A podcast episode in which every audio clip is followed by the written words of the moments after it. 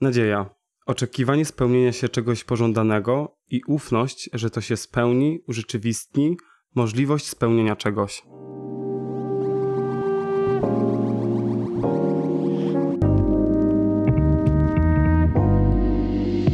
Siemanko! Z tej strony Krzysztof Neldner z Fundacji Greenpeace Polska.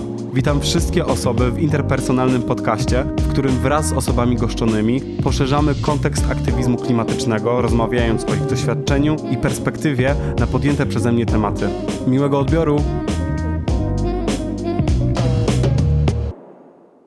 Siemanko, dzień dobry, witam serdecznie wszystkie osoby odbierające w kolejnym odcinku naszych aktywistycznych pogawędek. Jesteśmy po serii naprawdę, naprawdę, moim zdaniem ważnych, ale też niejako trudnych tematów. Mówiliśmy o aktywizmie ogólnie o aktywizmie intersekcjonalnym. Rozbieraliśmy sobie te sekcje na czynniki pierwsze, więc mam nadzieję, że dzisiejszy odcinek, dzisiejsza rozmowa będą nie tyle lżejsze, jak dadzą nam nadzieję, bo właśnie o niej jest ten odcinek. A rozmawiać ze mną będzie Kasia Niemier, zaimki Ona Jej. Kasia jest studentką Uniwersytetu Adama Mickiewicza, studiuje tam gospodarkę przestrzenną, ale co najważniejsze jest aktywistką klimatyczną z naprawdę mocnym doświadczeniem przynajmniej w moich oczach. Czy chciałabyś coś dodać do tego przedstawienia się?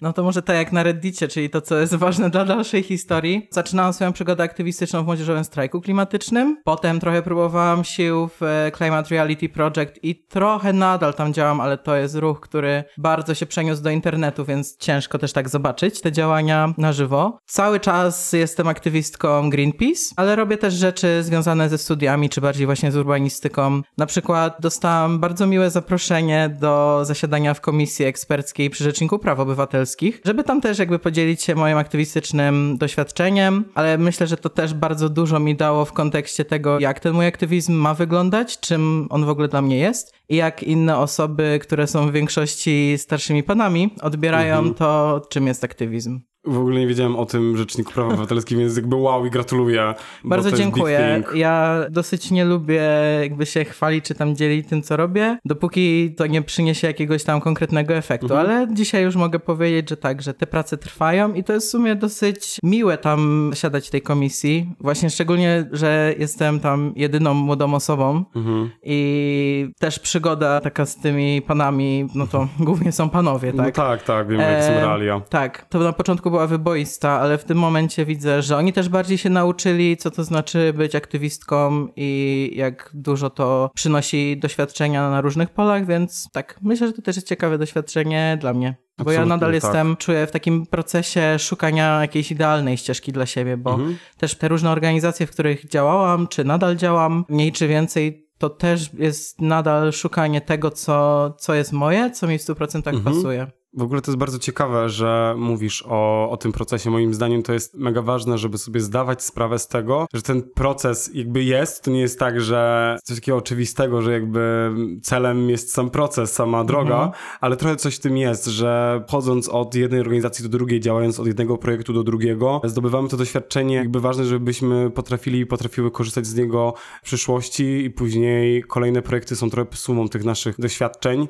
Ja też w ogóle bardzo Cię wspieram jakby w Twojej drodze i w Twoim procesie i mam nadzieję, że będzie jak najmniej wyboisty ten proces, chociaż wiemy, że zdarzają się no nie, te ale, niefajne momenty. No ale w sumie, czy to jest jakieś bardzo złe? Ja trochę mam już takie nastawienie, że to jest dosyć naturalne, że zmieniają mi się na przykład system wartości, trochę mi się przetasował w ostatnich latach, że sposoby też niektóre mi pasowały bardziej kiedyś, a niektóre pasują bardziej teraz i chyba dosyć naturalne jest to, że że z jednego ruchu powiedzmy mnie gdzieś tam wykolei do innego, który jest mi w stanie zaoferować działanie, które bardziej mi pasuje, więc bardzo Ci dziękuję za to wsparcie ale tak zupełnie szczerze to ja przestałam to postrzegać jakoś coś bardzo złego. Oczywiście jak mi przestały pasować na przykład działania młodzieżowego strajku klimatycznego i musiałam podjąć decyzję, że no okej, okay, to już przestało być moje, to to było bardzo trudne, bo byłam bardzo z tym związana tak tożsamościowo, nie? Że jak, jak się gdzieś przedstawiałam, no to Jezus, Kasia Niemier MSK. I to było zawsze spięte razem. To nigdy nie mhm. było, że Kasia Niemier kropka, jak mi się ktoś zapytał. Nie, to było bardzo, bardzo tożsame ze mną. No ale przestało I chyba to jest dosyć taki podobny dla różnych osób, w sensie już z paroma osobami o tym rozmawiałam, że są niektóre takie elementy w naszym życiu, do których się bardzo mocno przyklejamy i one są dla nas turbo ważne i potem tak trochę znienacka się od nich odklejamy, więc jeśli jest ktoś z was, Tosia, która ma podobne przeczucia z czymś, co robi, no to no nie jesteście w tym samym. Mm. A jak ciebie ten cały proces, też momentami niełatwy proces kształtowania swojego aktywizmu zaprowadził do tematu nadziei? Bo mhm. kiedy parę miesięcy temu też jakby miałem okazję współtworzyć projekt, o którym jeszcze dzisiaj trochę powiemy. Dla mnie nadzieja, czyli coś, co jest z nami trochę integralne, ponieważ jest w naszej świadomości, też świadomości kulturowej, w świadomości sztuki, czymś takim zwyczajnym, nagle przez ciebie zostaje podniesione i zaczynasz po prostu myśleć o tym, że na tej orbicie klimatu jest ten element i mhm. warto się nad nim pochylić i zastanowić, skąd to się w ogóle wzięło. Nie wiem. Dla ciebie to jest integralne, dla mnie to było coś, co przyszło trochę z nienacka, mhm. bo mi na przykład przestały pasować narracje o końcu świata, o tym, że uciekamy przed apokalipsą. Ja trochę zaczęłam reagować na stres tak, że mi odcinał wszystkie emocje i nie potrafiłam w ogóle nic zrobić. Działałam na takim autopilocie i wiesz, i to się powtórzyło raz, drugi, trzeci, nie? I to jeszcze dołóżmy do tego pandemię, zamknięta w swoim pokoju. Wszystko robię przed jednym komputerem, studiuję, spotkam się ze znajomymi na Zoomie i robię aktywizm w jednym miejscu i to wszystko robię na takim autopilocie, po prostu odhaczam rzeczy w kalendarzu mhm. i absolutnie tego nie czuję. I uznałam, że okej, okay, tu jest coś grubo, nie tak i nie tak sobie zupełnie wyobrażałam swój aktywizm. I doszłam do tego, że mnie po prostu przestała motywować wizja apokalipsy. I zaczęłam sobie szukać co ja tak naprawdę z klimatem lubię robić. I odkryłam, że w wolnym czasie i tak bardziej jestem aktywnie myślę nad procesem wymyślania tego, co się będzie działo w przyszłości. Te moje studia, gospodarka przestrzenna, no to w 100% się opiera na planowaniu przyszłości, tak? Bo my planujemy jakieś długofalowe strategie, często rysujemy plany, które bardzo długo czekają na zrealizowanie, więc mhm.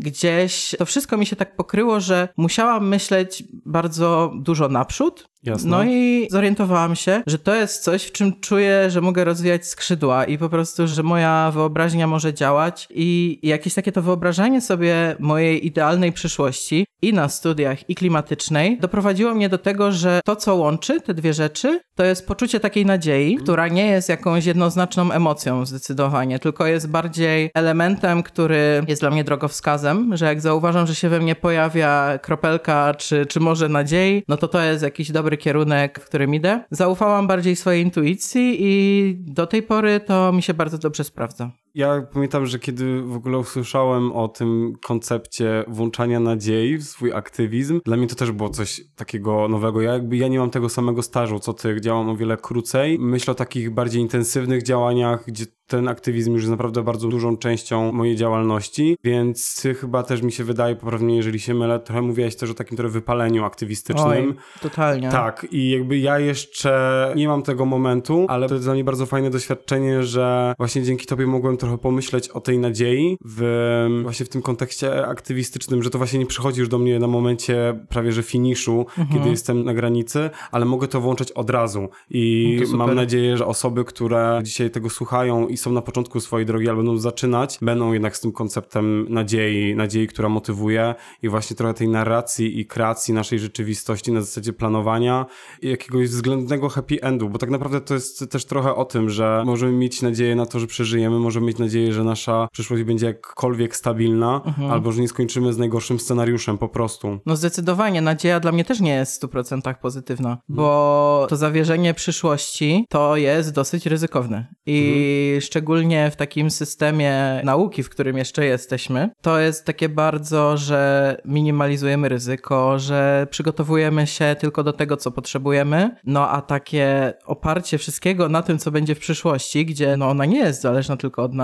uważam, że jest też dosyć aktem rewolucyjnym ale to tak jakoś mi zadźwięczało znowu to, co powiedziałeś na początku, że sama droga jest celem. Mhm. To dla mnie też nie było oczywiste. Bo jak ja się włączałam w aktywizm, to ten mój aktywizm na początku wynikał z jakiegoś takiego ogromnego sfrustrowania, że dlaczego my się nie zajmujemy rzeczami, które dla mnie i dla wielu osób są najważniejsze na świecie mhm. i dlaczego ten temat jest tak jakoś na bok spychany. Więc dla mnie najważniejsze było doprowadzenie jakiegoś projektu do celu. Nieważne było, czy byłam wyspana, nieważne było, czy czy miałam jakieś dobre relacje z ludźmi, z którymi pracowałam, tylko jakby ja byłam tak zaślepiona tym celem, tą datą, którą sobie gdzieś tam wymyśliliśmy, że no tak jak mówiłam, no w pewnym momencie po prostu autopilot wchodził i to jest, wydaje mi się, to wypalenie bardzo klarownie pokazane, że jeśli nie jestem w stanie się zaangażować emocjonalnie w to, co robię i nie widzę w tym sensu, to po co ja mam to robić? I dokładnie do tego to mnie doprowadziło. To jest też bardzo ważne, żebyśmy mieli, miały świadomość tego, jak o siebie dbać, w sensie, żeby lepiej komunikować się z samym, samą sobą i właśnie efektem czegoś takiego może być dojście do konceptu nadziei, może być po prostu kwestia tego, że okej, okay, robię sobie na razie przerwę. No u ciebie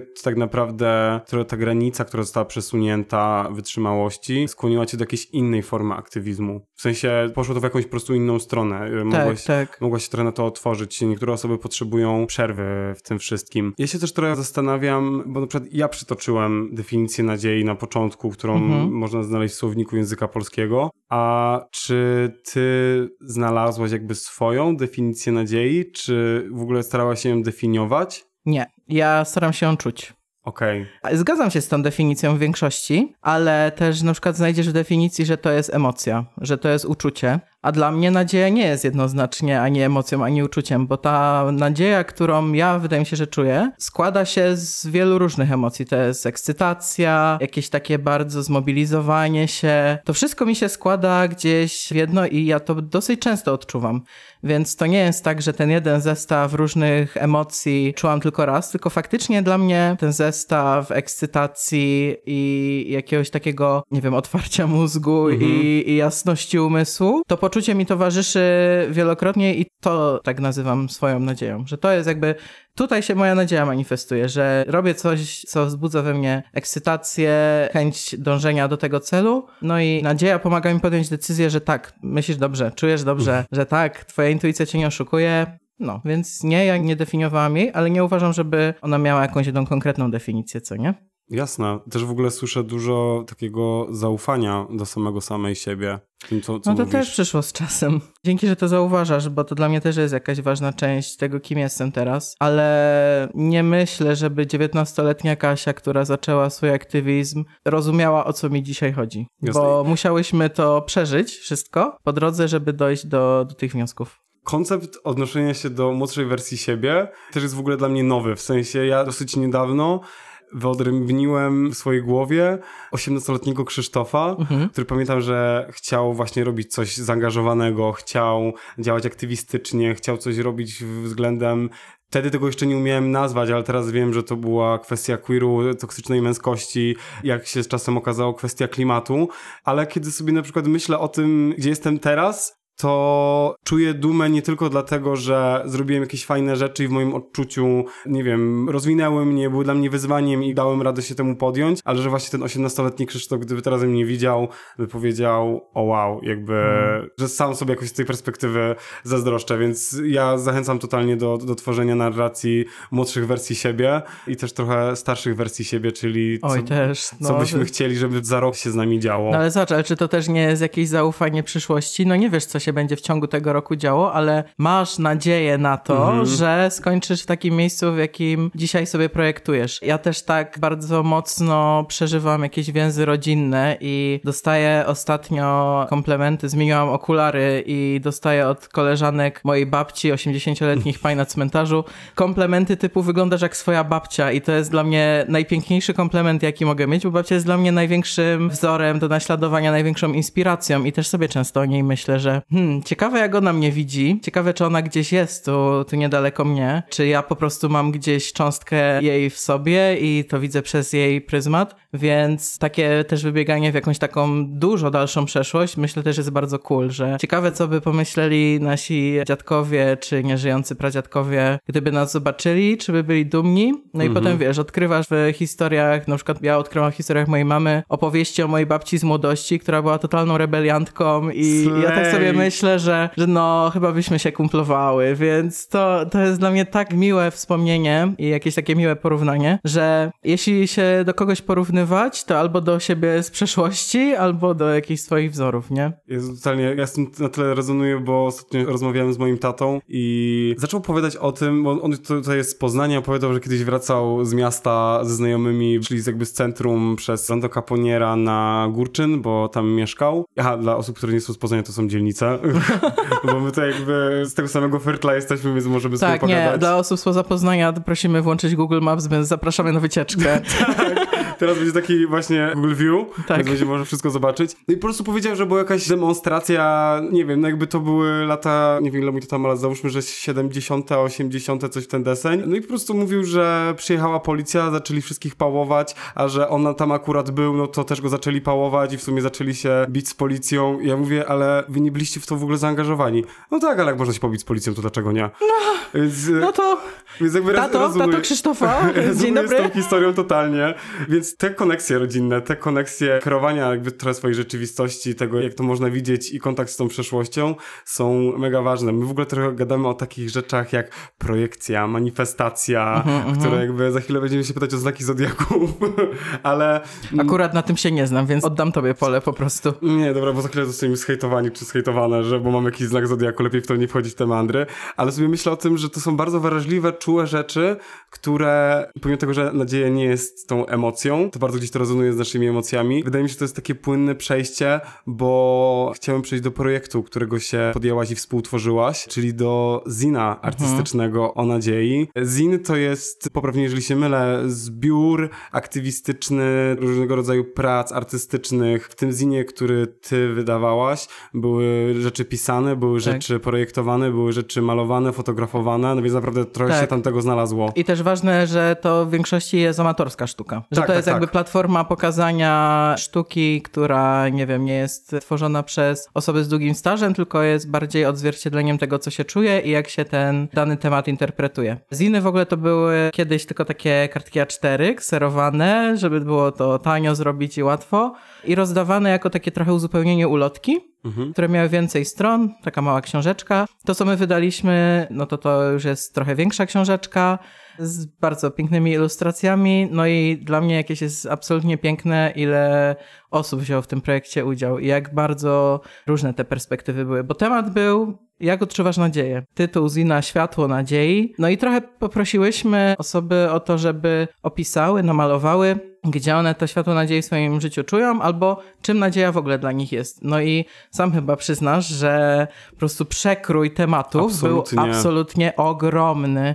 I ja szczerze nie spodziewałam się, że, że to może być aż tak różnorodny projekt. Przecież tam były rzeźby w lesie sfotografowane tak, z opisem, tak. z piosenką do tego. Był projekt Zielonego Ministerstwa Klimatu, które świętowało rocznicę odejścia od węgla jakby Co dla nie? Mnie, dla mnie to jest taka abstrakcja, ale też trochę nakreślę kontekst. My z tym zinem byliśmy i byłyśmy na tegorocznym, czyli 2022 roku, Poland Roku i rozmawialiśmy rozmawiałyśmy z osobami. Ja też wtedy tego zina widziałem po raz pierwszy, gdzie też również była moja cegiełka dołożona i pamiętam, że po pierwsze, okładka była tak piękna i nadal jest. Jakby nie wiem, czy nadal można dostać te ziny, czy jak wygląda. Można, ono jest oczywiście wrzucone online, więc można sobie A. go przeczytać i też jest okładka tam. Tak, więc jakby ja zachęcam, bo to jest super doświadczenie, więc gdzieś do wieczornej kawki, herbatki, kakao można sobie to poczytać, oglądać i przekminić. Oczywiście, tak jak powiedziałaś, to był zin trochę bardziej rozbudowany, już o wiele większym nakładem ogólnie, no chyba we wszystkich sferach, ale dla mnie to było tyle niesamowite, że no okej, okay, to są osoby, które działają oddolnie, mhm.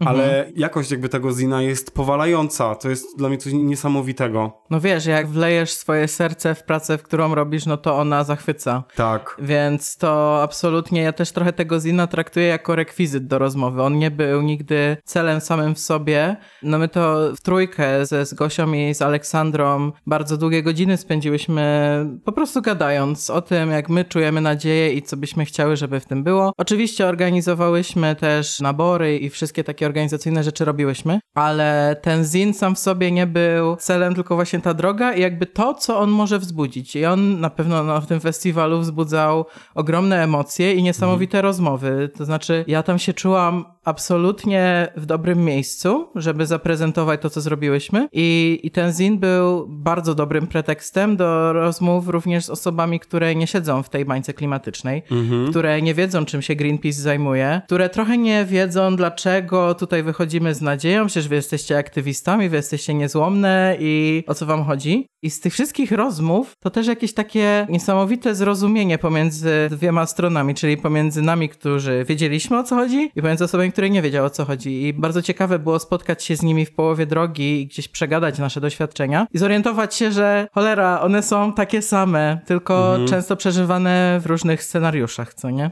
No, doświadczenie na Polen Roku było też niesamowite, dlatego że każdy dzień w ogóle był zaczynany kręgiem czułości. W ogóle wszystkie narzędzia, które były używane na Polen Roku w ramach tego zina, tak bardzo wykraczają poza utarte bańki klimatyczne i aktywistyczne Oj, w tym to momencie. tak, tak. I jakby moim zdaniem to jest bardzo ciekawy restart w środowisku aktywistycznym, żeby poruszyć ten temat, bo jakby wasze obawy i wasze jakiekolwiek po prostu słabostki, które w tym momencie odczuwacie, nie jesteście z nimi ok, jakby one są ważne. Macie prawo je zauważyć, macie prawo im poświęcić chwilę i macie prawo do tego, żeby się zastanowić, co wam daje te nadzieje. I kiedy na kręgu czułości, czyli codziennie rano się spotykaliśmy i spotkałyśmy, rzucaliśmy, rzucałyśmy temat i po prostu bez oceniania, tylko staraliśmy się wysłuchać drugiej osoby. Pamiętam, że jeden z pierwszych kręgów był tak duży, pamiętam, że to było tyle osób, tyle różnych doświadczeń, tyle różnych historii. Dla mnie pamiętam, że najważniejszym doświadczeniem po prostu było siedzenie i słuchanie w końcu, że to nie było dla mnie aż tak aktywne, to było bierne, Tak, ale tak. mogłem sobie na to pozwolić, żeby trochę poprzeżywać tę chwilę. Wiesz, niby jesteśmy nauczeni odbierać content w internecie, ale to chyba nie jest trening uważnego słuchania. I myślę, że tak jak przejrzenie tego zina i skupienie się na bardzo różnych formach jest też taką trochę nauką skupiania i wyciągania tego, co właśnie się odebrało, tak samo właśnie były te kręgi czułości. Każda osoba opowiadała o czymś innym, trochę z innej perspektywy, w innym stylu i, i to faktycznie Masz rację, jak sobie to przypominam teraz, to to było jakieś takie aż odrealnione, że przecież my nie jesteśmy przyzwyczajeni tylko do aktywnego słuchania, tylko albo słuchamy jednym uchem i potem coś mówimy, albo mówimy cały czas, więc no. Też to doświadczenie pod tym kątem, o czym już wspomniałaś, że nagle Greenpeace, który na Poland Roku oczywiście, że nie był pierwszy raz, bo ja byłem pierwszy raz, ale były oddzielne wioski Greenpeace'u, tam się działy rzeczy i one były bardzo skupione na klimacie, bardzo skupione na aktywizmie i chyba pierwszy raz po prostu Greenpeace się tam pojawił jako, nie wiem, stanowisko, które mówi hejka, porozmawiamy o nadziei, porozmawiamy w końcu o waszych uczuciach, porozmawiamy w końcu o waszej perspektywie. I faktycznie tam były osoby również, które nie do końca się z nami zgadzały.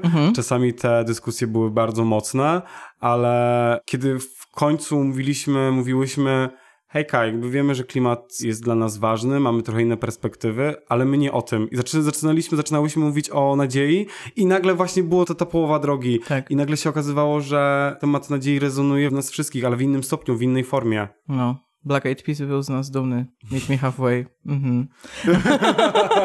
Ale na pewno wiesz, że sztuka jest wszystkim tym, co stworzy artysta. Tak. Więc dlaczego aktywizmem nie może być wszystko to, co robi aktywistka?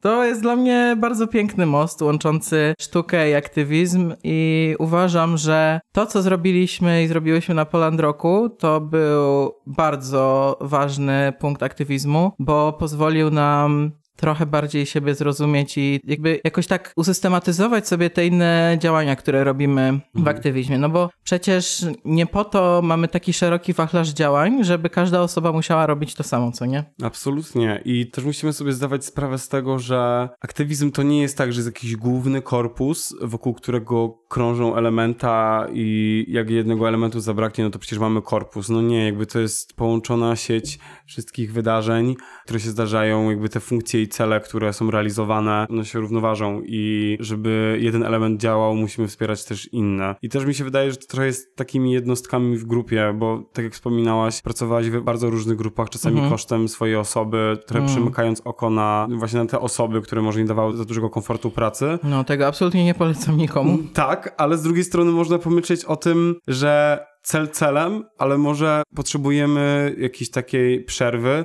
żeby podszkolić się jako jednostki i dopiero mhm. w jakimś lepszym, lepszej formie, w lepszej kondycji zacząć działać. Mhm. Albo też nie dać się zamykać w takie boksy, w których możesz się określić tylko jako, nie wiem, logistyczka, czy tylko jako mhm. osoba wymyślająca puncze i one-linery, mhm. ale że jedna osoba łączy wiele talentów i chyba trzeba sobie też właśnie dawać takie przerwy, żeby gdzieś w sobie je odkryć, bo no ja nie uważam, żeby to było takie łatwe zobaczyć, kto ma jakie zdolności, jakie talenty. I doskonale wiem sama po sobie, że to mi zajęło bardzo dużo czasu zorientowanie się, w czym jestem dobra, a co mi tylko przychodzi łatwo, ale nie sprawia przyjemności. Jakby ja to bardzo mocno rozdzielam. No na przykład, nie wiem, mnie stresują wszystkie rzeczy związane z pieniędzmi i do tego się nie biorę. I oczywiście pewnie wiele razy w życiu jeszcze mi przyjdzie być osobą odpowiedzialną za to, ale nie uważam, żeby jakimś błędem było poszukanie sobie osoby, która mnie w tym wesprze. Mhm. I też takie wsparcie,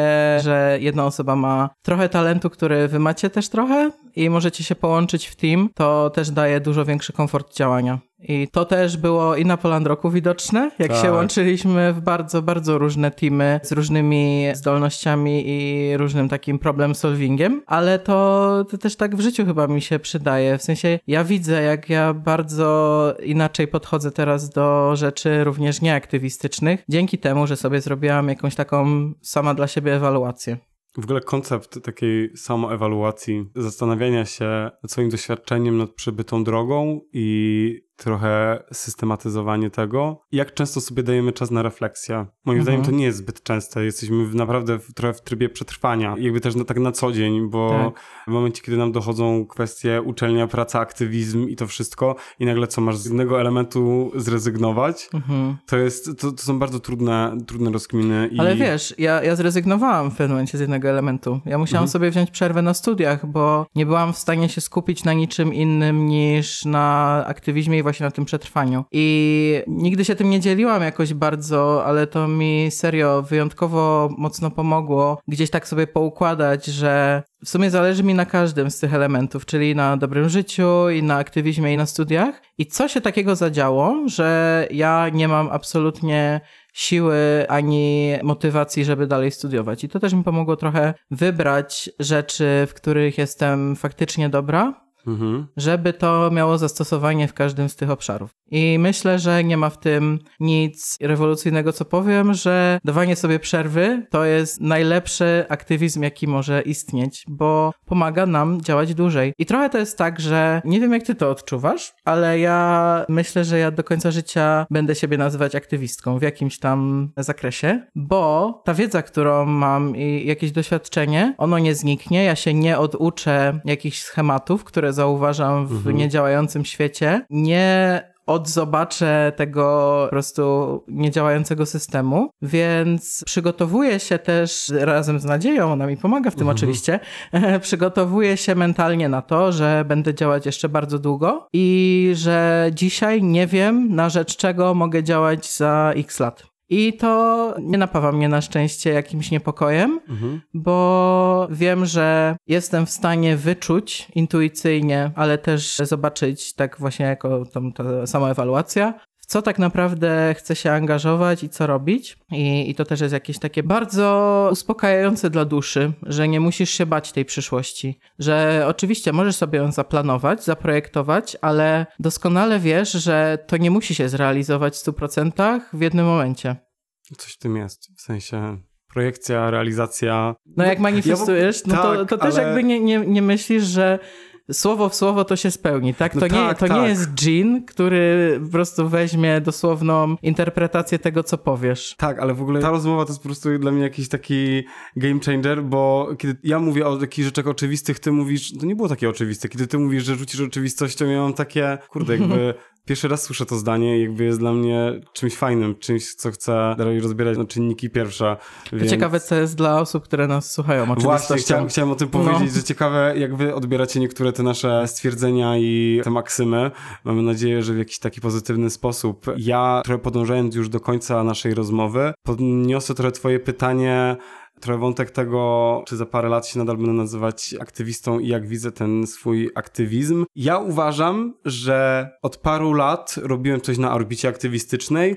Od roku jestem aktywistą, że już to robię naprawdę na takich pełnych obrotach, chociaż uważam, że rok temu zacząłem wstawać takie na równe nogi, teraz zacząłem trochę raczkować i z dosyć dużą pokorą podchodzę do tego, ile jeszcze jest przede mną, ale chyba właśnie to, że widzę perspektywy tego, co jeszcze się może wydarzyć, napawa mnie właśnie nadzieją na to, że, że jeszcze parę lat sobie pobędę na tej orbicie aktywistycznej i jeszcze przez parę lat nie tyle, co się rozwinę, to co będę mógł zrealizować naprawdę bardzo fajnych idei, planów. Nie wiem jakich, nie dlatego, że nie, nie zakładam i nie wiem jak moje projekcje po prostu nie wiem, jak to będzie dokładnie wyglądać. Wiem, że coś po prostu będę chciał robić. Wiem, że już teraz mam tak ułożony mindset, że pewnych rzeczy się po prostu nie pozbędę i ten pierwiastek zaangażowania będzie we mnie cały czas. Super to słyszeć, bo jest to bardzo piękne, że to jest miejsce, w którym chcesz być. Mhm. Wiesz co, ja sobie przypominam, tak w sumie równo rok temu szykowałyśmy się, jeszcze będąc częścią MSK, do wyjazdu na konferencję klimatyczną w Glasgow. I ja Glasgow? pamiętam. W Glasgow, ja. Glasgow, ja. I pamiętam jakąś taką rozmowę z dziennikarzem, który spisywał nasze historie i zapytał, co sprawiło, że ja zechciałam być aktywistką. Ja tak sobie pomyślałam, że ej, ale ja wcale nie chciałam być aktywistką. Mm. I ja wcale tego sobie nie wybrałam. I tak sobie teraz myślę, czy mi to teraz przeszkadza, bo w zeszłym roku powiedziałam dosłownie coś takiego, że ja bardzo nie chciałam być aktywistką ale musiałam. Nie chcę, ale muszę. Okej, okej, e, okej. Ale w tym Mocny roku... statement. Jest, ale w tym roku chyba już nie mam takiego podejścia. Przez to, że właśnie przeżyłam jakieś takie mocne załamanie aktywistyczne, rzuciłam te studia na chwilkę, teraz wróciłam i okazało się, że jest totalnie super i wszystkie jakieś takie plany mi się realizują. I ten aktywizm w ogóle mi w niczym nie przeszkadza. I ja nie odczuwam, żeby to było jakieś poświęcenie. To jest po prostu fakt, który nauczyłam się akceptować i to też brzmi jak, jejku, jakbym miała jakąś niesamowitą traumę z tym, ale chyba nie do końca o to mi chodzi, tylko bardziej o to, że nie zawsze jesteśmy w stanie przewidzieć, co się stanie i takie odnalezienie się w miejscu, w którym jesteśmy i zdecydowanie, czy to nam przeszkadza, czy nie przeszkadza, czy, czy wszystko jedno, to też jest ważne. I ja w tym momencie dla mnie wszystko jedno, ale na pewno nie są mi obojętne te doświadczenia, które dzięki aktywizmowi zyskałam. To jest chyba najważniejsza, może nie wiem, lekcja, nauka, rzecz, którą chciałbym wyciągnąć z twojej wypowiedzi, żeby nie umniejszać swoim doświadczeniom i żeby nie umniejszać swoim emocjom. One są, będą, my po prostu musimy nauczyć się jak z tym wszystkim się odnajdywać w konkretnych sytuacjach. Chciałbym jakoś tak zakończyć tę naszą rozmowę i chyba zakończę je pytaniem do osób odbierających. Czy wy chciałyście, chcieliście być tymi aktywistkami, aktywistami? Jak z wami rezonuje to, to pytanie? Bo mi zdaniem jest ciekawe, jest strasznie mhm. przewrotne i właśnie będzie zależeć od etapu, na którym jesteśmy w naszym aktywizmie. Jeżeli zaczęliśmy ten aktywizm, a jeżeli nie, to co nas motywuje, żeby zacząć ten, ten aktywizm. Ja zostawiam to pytanie z osobami. A czy ja się mogę podzielić anegdotką? Tak. Bo ja właśnie w tej komisji rzecznika rzuciłam takie pytanie do. Tam są bardzo różne profesje w tej komisji. Tam są prawnicy, jest hydrolog, jest biolożka zajmująca się drzewami. Jest bardzo, bardzo dużo różnych profesji. A komisja się nazywa Klimat i Przestrzeń. I my właśnie szykujemy rzeczy z e, klimatem jako głównym takim pryncypium, tak? Ja zapytałem się tych osób, czy wy jesteście aktywistkami, aktywistami? Nie, nie, ja jestem naukowczynią. Nie, ja jestem prawnikiem. Ja mówię, to czemu robimy coś dla klimatu? Oni, no bo to jest dla mnie bardzo ważne. Ja mówię, i and that's it. To jest to clue, bo dla mnie to też jest właśnie bardzo ważne. Pewnie w różnych momentach życia jest to najważniejsze, może drugie najważniejsze, może trzecie, czwarte, piąte, szóste, ale jest to dla mnie bardzo ważne i myślę, że to jest to, co nas łączy i że absolutnie w bardzo różnych profesjach możemy się nazywać aktywistkami, aktywistami, ale nie musimy. Ja nie namawiam do tego, żeby się określać chociaż, tak, jak ja wam powiem. Tak, chociaż ale... świadomość mhm. tej tożsamości jest mega ważna. No jest, jest, ale jeśli tego jakoś wybitnie nie no to się nie nazywaj tak. Ale myślę, że warto sobie zadać to pytanie, tak. czy, czy jestem aktywistką albo aktywistą i co się stało, że nie im zostałam. I to pytanie daję na koniec naszego odcinka, za który tobie, Kasiu, bardzo dziękuję. Jakby ta rozmowa była dla mnie naprawdę, jakby to było super doświadczenie, to, że mogliśmy się trochę powymieniać tymi naszymi doświadczeniami i sobie sprzedać parę sentencji do naszych słowniczków.